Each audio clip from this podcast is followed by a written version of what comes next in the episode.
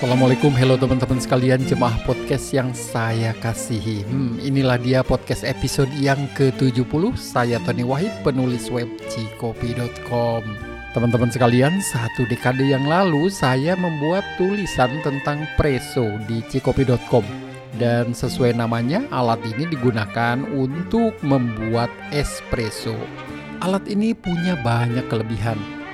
Yang paling utama adalah bentuknya yang kecil Lalu harganya oke okay lah di bawah 3 jutaan dan tentu saja dengan bentuknya yang kecil bisa dibawa ke mana-mana juga. Jadi sejak kali pertama dikenalkan kepada publik, Preso langsung melesat menjadi primadona. Masalahnya cukup dengan harga di bawah 3 jutaan pada saat podcast ini ditayangkan di penghujung tahun 2019. Siapa pun sudah bisa menikmati minuman espresso yang nantinya tentu bisa dijadikan milk base untuk cappuccino ataupun latte. Dalam episode ini kita akan berbincang dengan Bari Tasman. Siapa dia? Beliau inilah yang pertama kali mengenalkan alat ini di Indonesia dan hingga kini entah sudah berapa unit yang dijual baik untuk home use dan utamanya untuk bisnis. Ya, betul. Untuk dijadikan modal usaha dan jangan salah, banyak yang menggunakan preso sebagai langkah awal untuk mengembangkan bisnis kedai kopinya. Sudah nggak kehitung teman-teman saya yang menjadikan alat ini untuk memulai langkahnya mempunyai kedai kopi. Dalam podcast kita kali ini ada kelengkapan baru yang nantinya akan dipasangkan pada Preso. Alat apakah itu? Inilah dia sebagian topik perbincangan yang nanti juga akan diisi dengan diskusi yang lainnya. Bari Tasman dalam Coffee Lisus Podcast bersama saya Tony Wahid. Selamat malam Pak Bari. Selamat malam Pak. Sebelum kita uh, ngobrol tentang banyak hal, kita pertama ketemu lebih dari 10 tahun yang lalu kayaknya ya Pak ya. Iya. Iya dan pada saat itu juga Pak Bari udah mulai jualan tuh. Jualan rock preso. Iya. Flashback dulu. Kita ke belakang dulu. Kenapa pada saat itu Pak Bari memilih alat ini Pak? Di samping kan waktu itu juga sudah mulai muncul tuh ada alat-alat kopi yang lain. Mesin espresso sudah mulai banyak juga saat itu. Ya, salah satu dulu sih saya punya angan-angan ya. Angan-angan di mana pada zaman dahulu itu saya masih kerja di uh, sebuah pabrik kopi. Kita suplai suplai kopi itu ke hotel-hotel. Nah, di situ kita suka deh yang namanya cappuccino, cafe latte, espresso, espresso base. Listriknya tuh mahal-mahal, Pak. Mesinnya mahal, listriknya besar-besar. Gitu.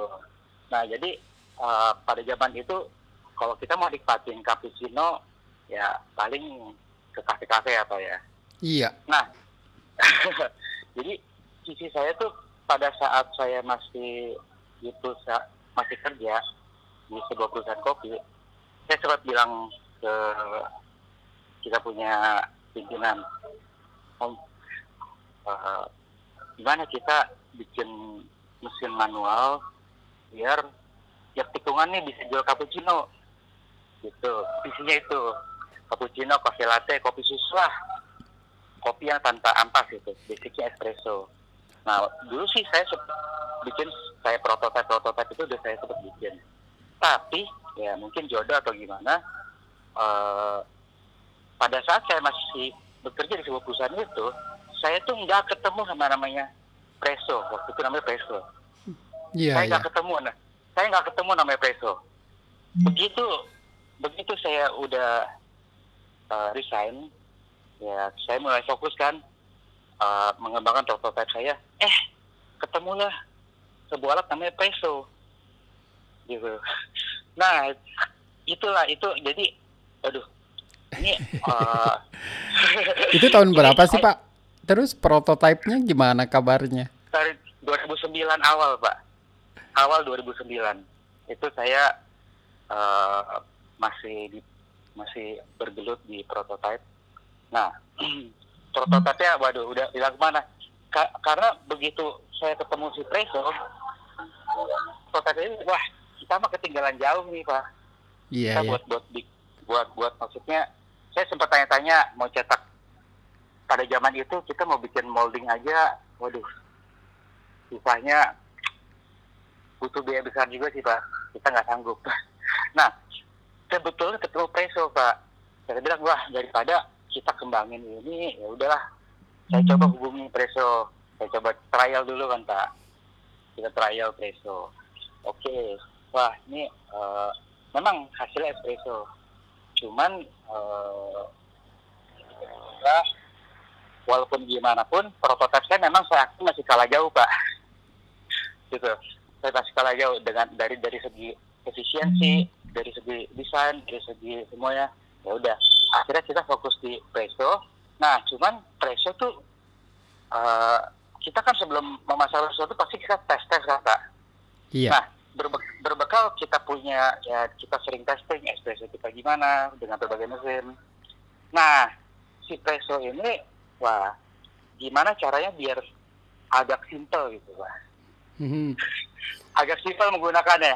Nah, Nah, karena tujuannya kan kita ya, buat tiap tikungan ada ada alat ini. Nah, biar simple dipakai buat jualan gimana caranya gitu. Ah, ah. nah, itulah saya sedikit saya modifikasi. Ada sedikit yang saya modifikasi dari preso itu. Pada saat Jadi- itu ya. Pada saat itu mungkin kalau yang pernah klien kita pernah dengar namanya booster booster ya itu sebenarnya booster itu penamaan dari kita lah. idenya idenya agak simpel pak. Idenya tuh kita eh preso tuh sebuah alat manual yang kita bisa eh, tentukan tekanannya itu tergantung airnya isi kita isi berapa pak. Iya.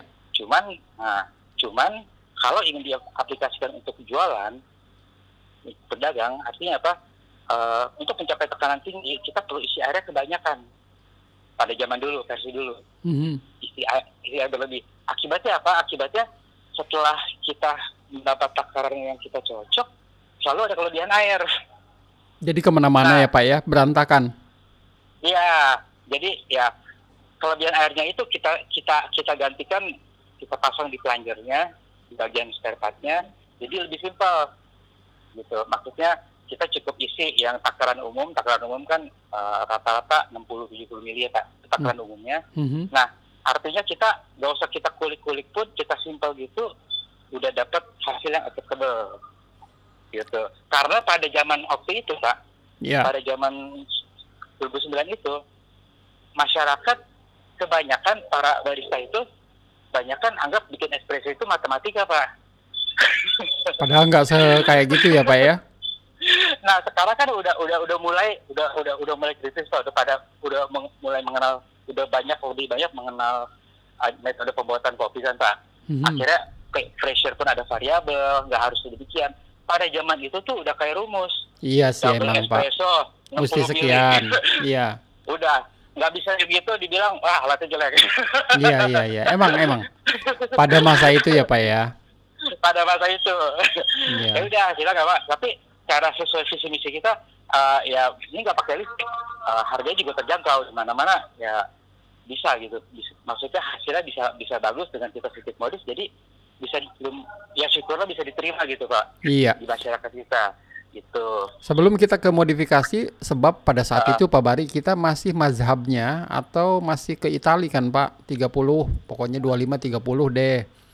Kemudian Ya. kalau double shot dua kali lipatnya. Jadi kalau nggak segitu, yang tadi Pak Bari katakan, wah ini mesinnya nggak asik nih. Atau mungkin op- Iya. atau yang pakainya nggak bisa. Paling kayak gitu ya Pak ya. Eh, ya cuman mungkin ya zaman dahulu akses eh, ke pembelajaran pembuatan kopi terbatas pak Iya, saat ini sih Ah. udah banyak lah Pak ya. di, di, di- ditambah eh, perkembangan yang terlalu terlalu kafe terlalu cepat mungkin ya jadi ya, Sangat, nggak nggak se- nggak sempat pembelajaran lebih jauh pak sangat sangat Betul. cepat banget Pak Nah. banget. Dan saya ingat waktu itu Pak Bari juga mengirimkan ke saya alat Ya. Presonya, kemudian kita tulis di blog dan sambutannya sangat luar biasa sekali ya Pak ya. Jadi teman-teman di kopi sudah punya pilihan ini, tidak usah membeli mesin yang mahal. Satu, kedua tidak perlu apa itu tenaga listrik, cukup pakai tenaga tangan, udah selesai itu, gitu. ya Dan selanjutnya ya latihan-latihan aja sih dengan menggunakan alat yang sangat ajaib ini buat saya. Betul karena eh, begini sih pak salah satu prinsip kita nih uh, alat proses alat itu kan termasuk sebuah proses pembuatan kan Iya. Pak? alat itu sebuah uh, proses dalam menyiapkan minuman kopi alat kopi itu nah uh, kalau cuman prinsip kita jadi asalkan kita lebih lebih memahami bagaimana proses itu terjadi pak Mhm. kita le- kita bisa mendapatkan hasil yang bagus juga gitu pak. Ditambah kan negara kita kan negara kopi pak. Banyak banget kopi di mana-mana ya, Pak. nah itu dari Sabang sampai Merauke maksudnya bertebaran tuh kopi-kopi enak gitu pak. Dengan salah satu tujuan kita adalah dengan alat manual mau nggak mau artinya ketika masyarakat coba mencoba mereka akan sedikit belajar kan pak? Iya. Gimana kalau di kalau di di mesin-mesin kopi yang pada zaman itu tersedia, ya itu tekanannya udah disetel, kita nggak bisa menentukan tekanan sendiri, ya kan? Banyak banyak hal yang yang karena pencet kita tidak begitu mengerti sebenarnya ada proses apa gitu pak. Iya Nah, waktu itu, itu sampai sekarang juga sih masih ada Pak, tapi dengan kemajuan teknologi ya banyak sekali Iya. mesin-mesin yang sudah bisa kita regulasi eh, diregulasi Betul, tekanannya, betul. Suhunya juga bisa sampai Kestabilan semuanya. Nah, c- c- kita akuin mesin zaman sekarang mesin tuh canggih-canggih pak. Canggih. Uh, artinya artinya kita untuk operasional bisa konsisten, hasilnya bagus. Iya. Nah, cuman awal visi kita pada waktu itu adalah tetap untuk mendapat untuk uh, ibaratnya uh, untuk lebih memahami kan kalau pakai preso kan benar-benar manual tuh.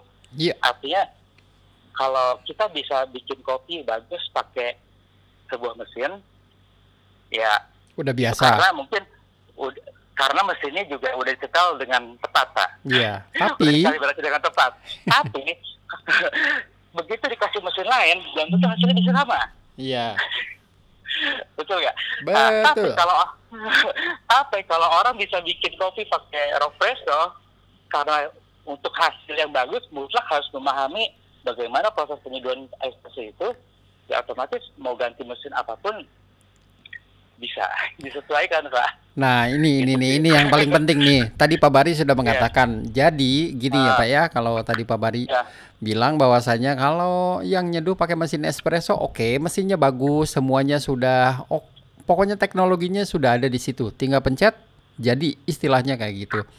Tapi betul kalau yang sudah jago menggunakan preso, nah ini udah levelnya udah di atas dong Pak ya, sebab dia semuanya manual nih Pak.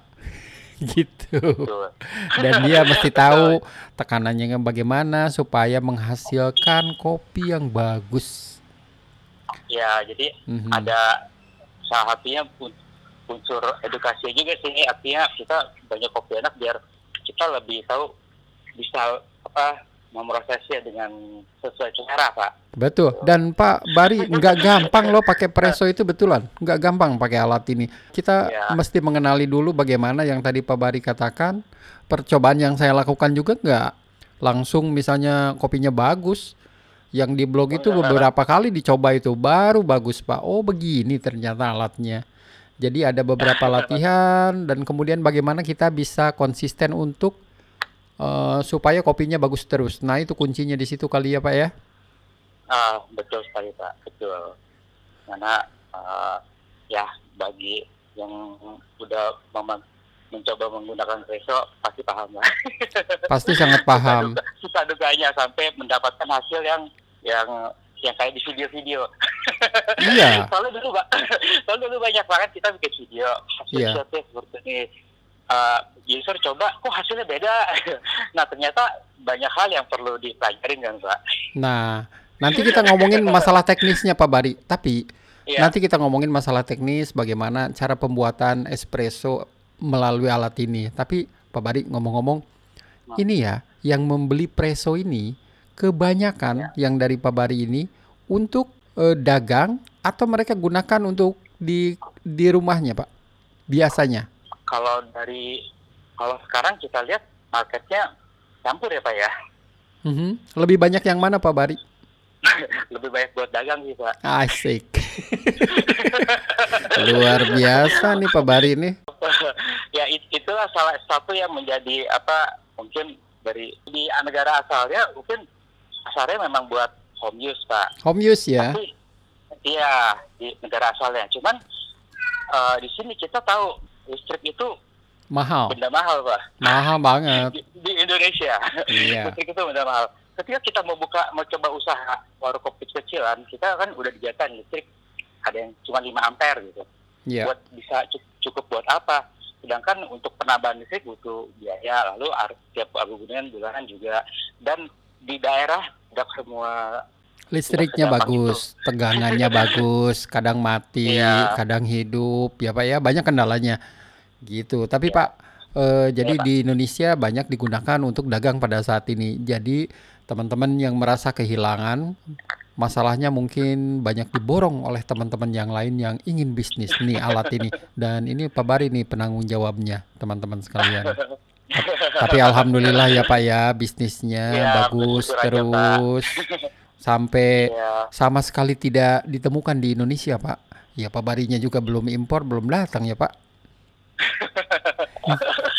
eh, sebenarnya kita ada ada jadwal jadwalnya pak Ada jadwal ya. Oke. ada ada jadwal jadwalnya kita udah semakin ke sini semakin baiklah kita untuk eh, manajemen distribusinya Untuk stoknya Nah. juga ya. Jadi ya walaupun di, kita mungkin kosong tapi di rekanan-rekanan kita ada stok gitu, Pak. ada ya. Oke. Harganya Iya. berapa, Pak?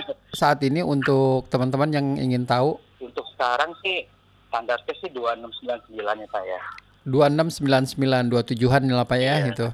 betul nah cuman sekarang kita ada eh, presonya ada ada versi baru nih Pak Nah, Pak, tad- nanti dulu Pak. Iya. Pak Bari jangan loncat dulu. Tadi bilang Oh, iya, katanya yang di Indonesia ada sedikit modifikasi. Mungkin bisa dijelasin lagi Pak, modifikasi apa sih yang dilakukan oleh Pak Bari dan teman-teman untuk yang yang versi dulu. ini? Ah, yang dulu, yang dulu. Ah. Nah, yang dulu itu ya itu untuk memudahkan dalam operasional Mhm. kita mengganti mengganti kalau kalau uh, cara cara awalnya untuk mendapatkan tekan lebih tinggi kita harus overfill isi isi air lebih banyak Oh, yang air itu ya Pak ya, overfill ya. betul Oke, oke, oke. Uh, ar- artinya ketika mendapatkan kalau ketika mendapatkan takaran normal 60 mili Mhm. itu masih masih ada sekitar 40 miliar kelebihan air di dalam reso Mhm. gitu jadi untuk pembuatan berkelanjutan mesti dibuang lagi sebanyak 40 mili itu cukup banyak Oke. Tapi nah, itu kita ganti kita ganti kita ya Pak ya, kelebihan airnya itu dengan benda padat diakalin. iya tujuannya untuk operasional lebih mudah aja Lebih mudah ya Pak ya. Pak Bari punten, yang modifikasi Ya, itu di mesin yang dulu. Kalau yang sekarang ada modifikasi yang sama atau nggak ada lagi Pak? semenjak uh, akhir tahun kemarin kan udah berubah versi pak Ya. udah ver- uh, presonya kita Mhm. sebutnya rock preso GC ya nah BC itu Eh, apa Pak maksudnya? nah GC ini adalah JC. Mhm. GC itu adalah uh, racikan kita punya bahan plunger sama silindernya gelas Hmm. komposit nah karena uh, yang dulu kan ya keluhan uh, plungernya retak Ya, pecah. pecah gitu. Yang baru ini anti retak pak. Uh, awal tahun kemarin berubah jadi versi GC. Setelah berubah dari versi GC, lalu dia punya uh, ukuran plungernya disesuaikan jadi tekannya lebih enteng. Ya, jadi untuk mencapai tekanan tinggi lebih mudah lah daripada versi sebelumnya. Jadi maksudnya nggak terlalu capek lagi nih Pak. Iya, tidak untuk mencapai tekanan tinggi tidak mencapai versi lama kalau di versi GC ini. Oke. Nah. Kita tunggu nih Nah. Pak. Sok, mangga. dari versi GC ini karena ada perubahan bahannya kan berubah dari Oke. bahan pelajar pelajar pelajar sama silindernya. Kalau dulu kan bening tuh sekarang kan udah pakai bahan GC itu Iya. karena ada perubahan kekuatan nah kita berapa bulan terakhir ini kita mikirin deh nih. Jadi wah ini dimungkinkan untuk mendapatkan sebuah fitur. Kita modif lah lagi di Indo kita tambahin fitur manometer Manometer itu adalah alat untuk mengukur tekanannya, Pak. Betul. Nah, jadi dengan karena ini ini ini pun bisa terjadi juga karena sudah dari prinsipnya udah mengadakan perubahan bahan ya Pak. Jadi lebih kuat. Jadi dengan perubahan bahan itu ada kita bisa modifikasi untuk menggunakan fitur manometer. Nah, manometer ini sebenarnya ya saya sangat senang ketika preso bisa dipasang manometer Pak. karena fungsinya banyak Pak. Ya.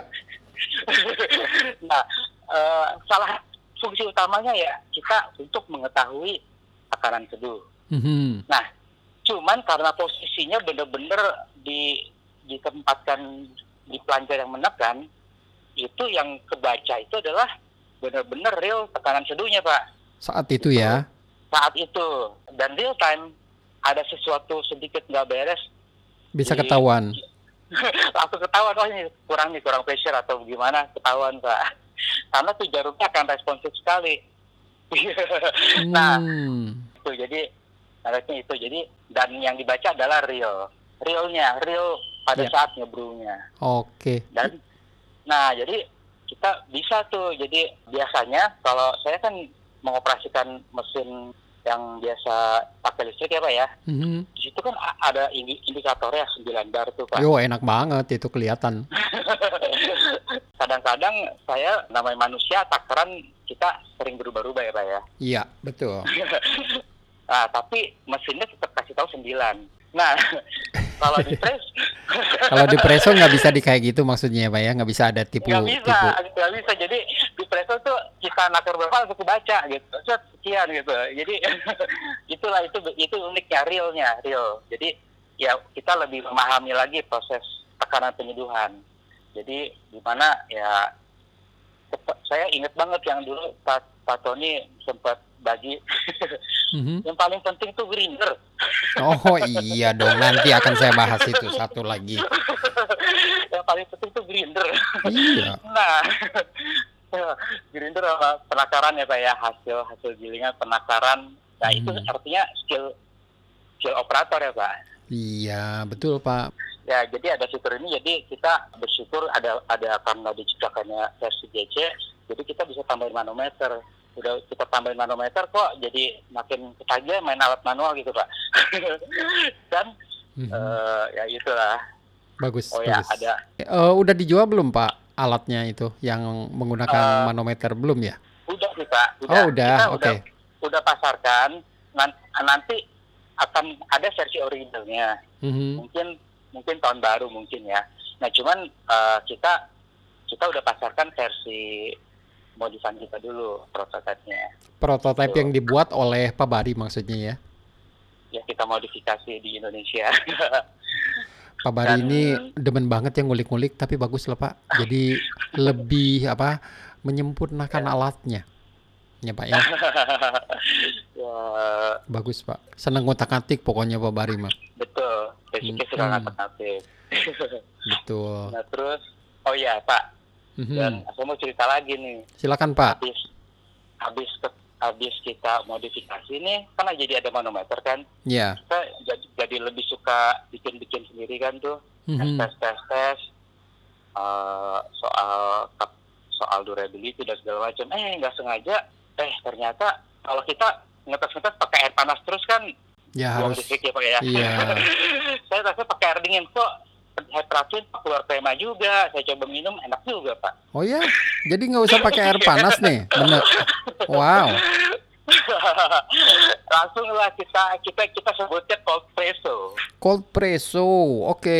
Jadi hasil percobaan nih ya Pak ya. nggak sengaja sebenarnya prinsipnya mirip sama espresso pak Oke. mirip sama espresso kalau kita tahu eh, kalau kita cek espresso ini adalah kan kenapa cara cepatnya ditambahkan tekanan dan suhunya diatur ya pak ya Iya. kalau penyeduhan dingin ya kan kalau dalam temperatur rendah eh, itu ada kimia kopi yang yang tidak bereaksi kan pak kalau suhu tinggi baru bereaksi Mungkin saya nggak tahu Nah. Pak.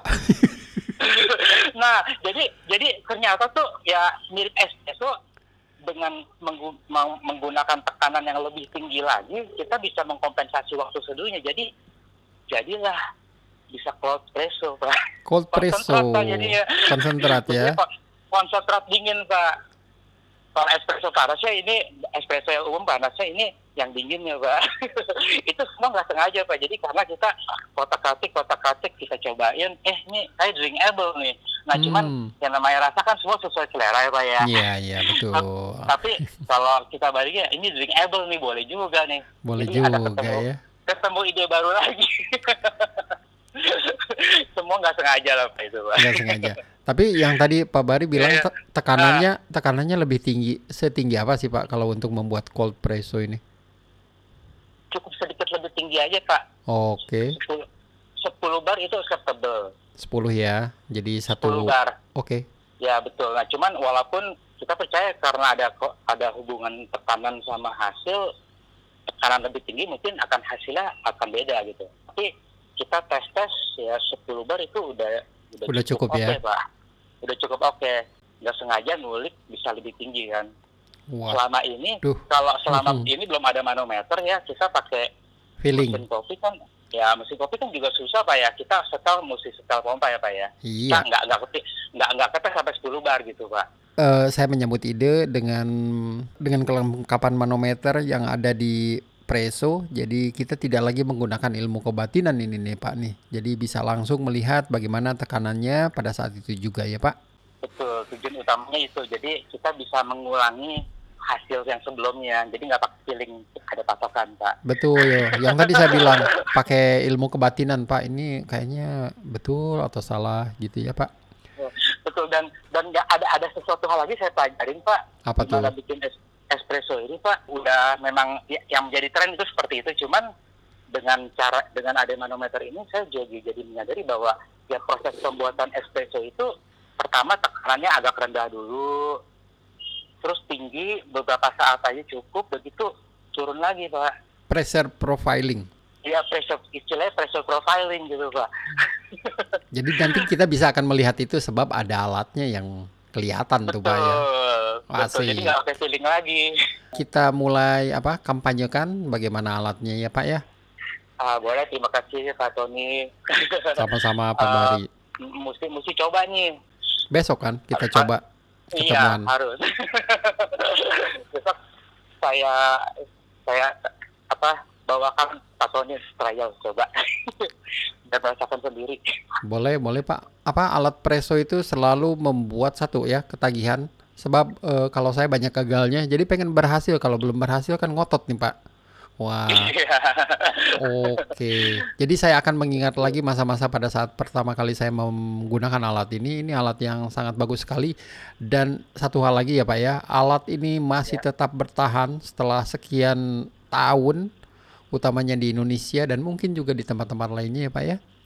Dan digunakan Ya. saat ini banyak untuk cari uang Ya. dengan modal preso yang tadi 2,7an sudah bisa jualan kopi. Kopi susu bisa ya Pak ya? kemarin kan kita juga ada partisipasi di sebuah acara pak ya Iya. wah terus kita hitung hitung wah jualan sehari udah balik modal nih kalau pakai preso Lebih mungkin Pak. Lebih Pak. walaupun capek juga sih pak tapi Capek. tapi capek itu kan relatif pak Iya. Kalau saya udah nggak kuat Pak. ya intinya yang sekarang un- untung lebih enteng lah pak Masalah Lebih enteng ya.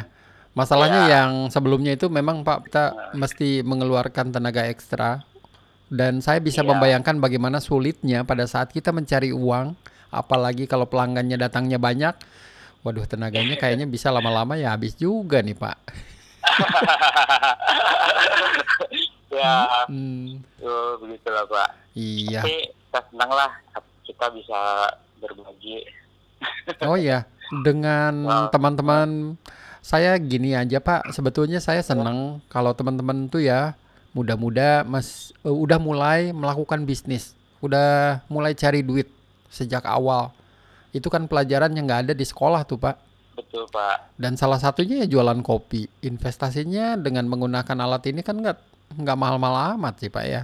lalu lebih fleksibel pak requirementnya jadi bisa dibilang fleksibel pak bisa di mana aja pak Bisa di mana saja alatnya kecil bisa ditenteng-tenteng, bisa dimasukkan ke tas buat jalan-jalan. ya syukurlah kalau bisa diterima Pak.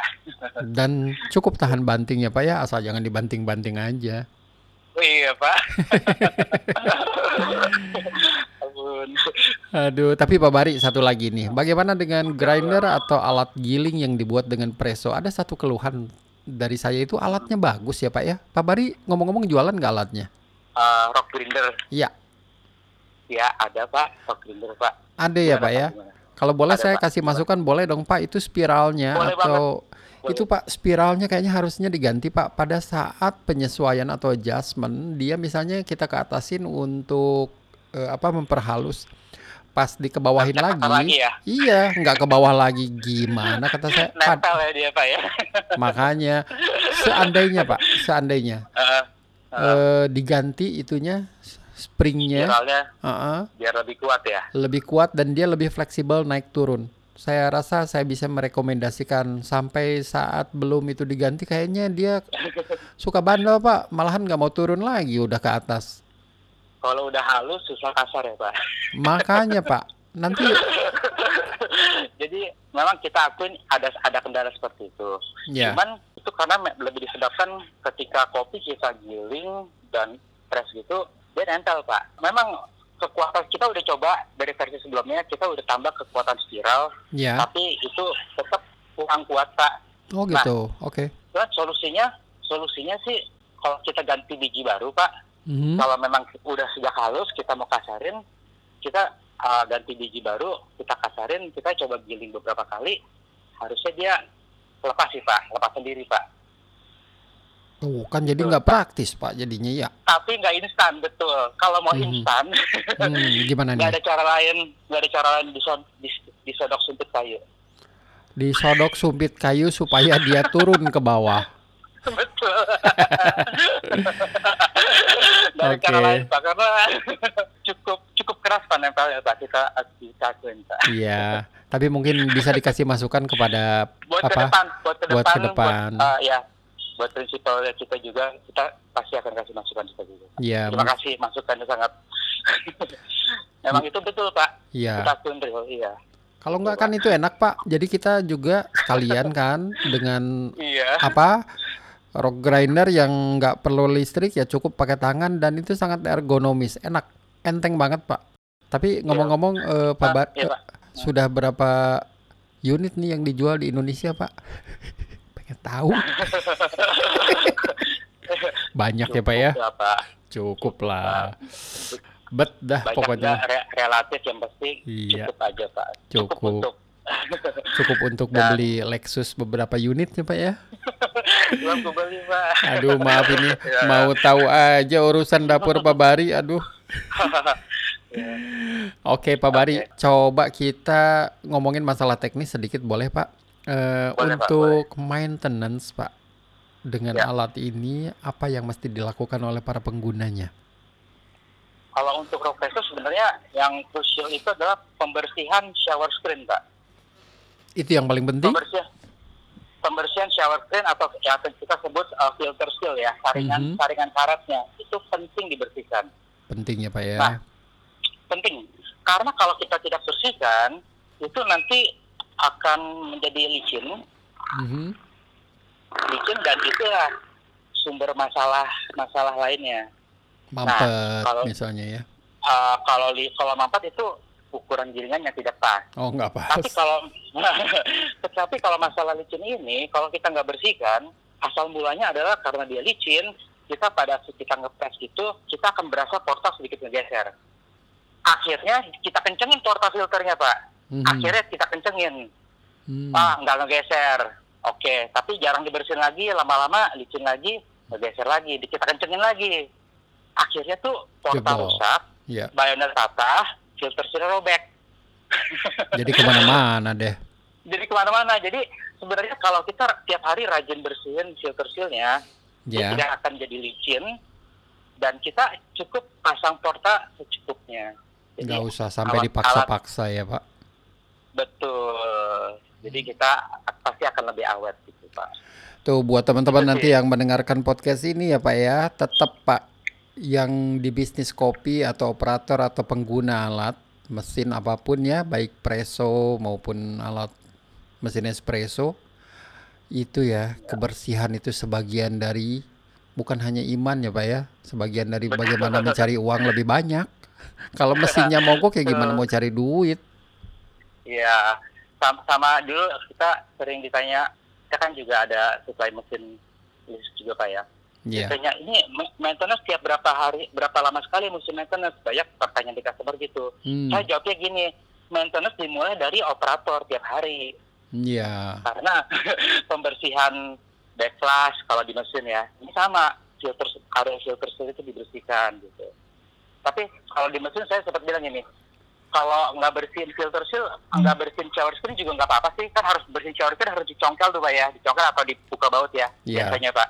Nah, saya sering bilang ini kalau kalau nggak bersihin shower screen nggak masalah sih, mesinnya nggak rusak, satu tahun juga nggak rusak. Tapi rasa kopinya pasti rusak. nah itu kan jadi nggak enak men Eh. gitu pak. Jadi Pak Iya, Bari sorry Hmm. eh, ada perubahan nggak dari materi shower screen-nya Pak apakah masih sama materinya atau gimana shower screen materinya sebenarnya hampir sama pak. Cuman ya kita ada ada sedikit penyesuaian untuk bahan GC ini pak. Mhm. Nah, oh ya saya kasih bocoran sih, ada bocoran sedikit sih pak. Oke silahkan Pak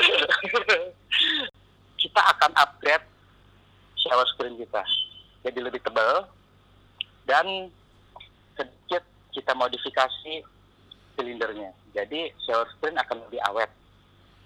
Oke, lebih- Pak Bari, Pak Bari lebih- sekali lagi Pak. oke. Sorry Pak, diulangi lagi. Ya. Jadi tadi ada bocoran bahwasannya akan ada apa nih Pak?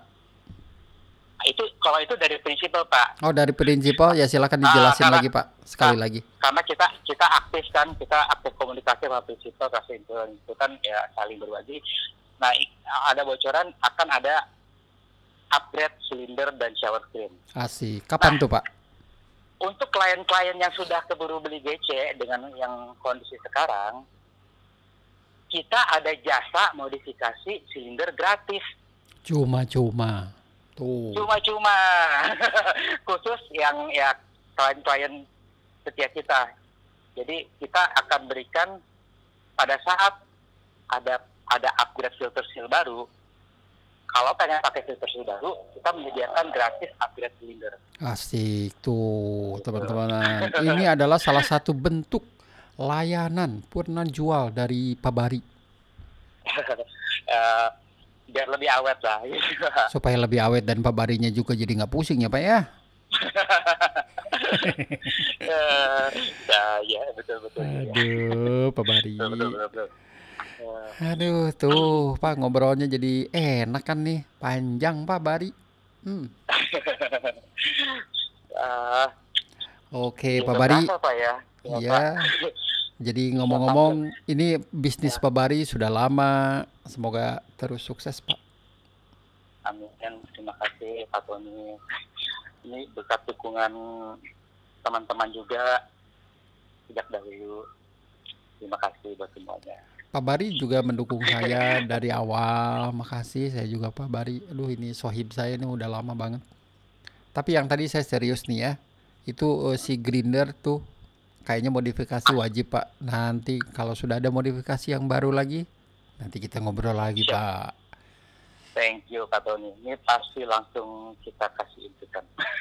Kasih input. Eh tapi ngomong-ngomong yang pakai yang pakai grindernya banyak nggak Pak? Cukup banyak juga Pak. Oh cukup Pakai banyak. Oke. Banyak. Karena terus terang eh, ketika kita bicara rock grinder, maksudnya siapa yang akan menggunakannya mungkin tidak sebanyak kalau kita bicara siapa yang menggunakan rock preso. Tapi kalau rock grinder Pak dia ada pasar tersendiri Oh. mana yang yang memang nggak butuh bikin banyak, mhm. cuman mengutamakan presisi. Iya betul. Nah, ya itu, cuman ya kita pun ada satu yang tadi itu, kalau udah halus mau kasar lagi agak susah. Pak. Diketok aja pakai sumpit ya. Pak Bari ya. Diketok. Turun kamu. Makasih Ya. sekali Pak Bari atas perbincangan malam ini. Hari ini adalah hari Selasa ya Pak ya. Tanggal 17. Dan Pak Bari sekali lagi sukses dan sampai jumpa besok ya Pak. Ya, terima kasih Pak Tony. Mari Pak. Yuk. Thank you, malam Pak. Malam.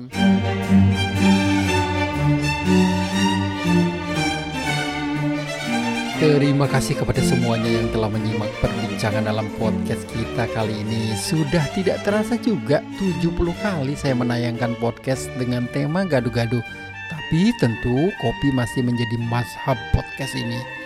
Mohon selalu dukungannya supaya podcast ini masih tetap bisa tayang dan segala masukan bisa disampaikan melalui DM di akun IG saya @tony_wahid ataupun email langsung ke tony.wahid@gmail.com.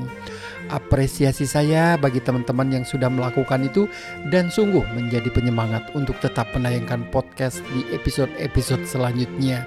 Sekian dulu, salam dan jangan lupa nikmati kopi Anda. Sesap dengan nikmat.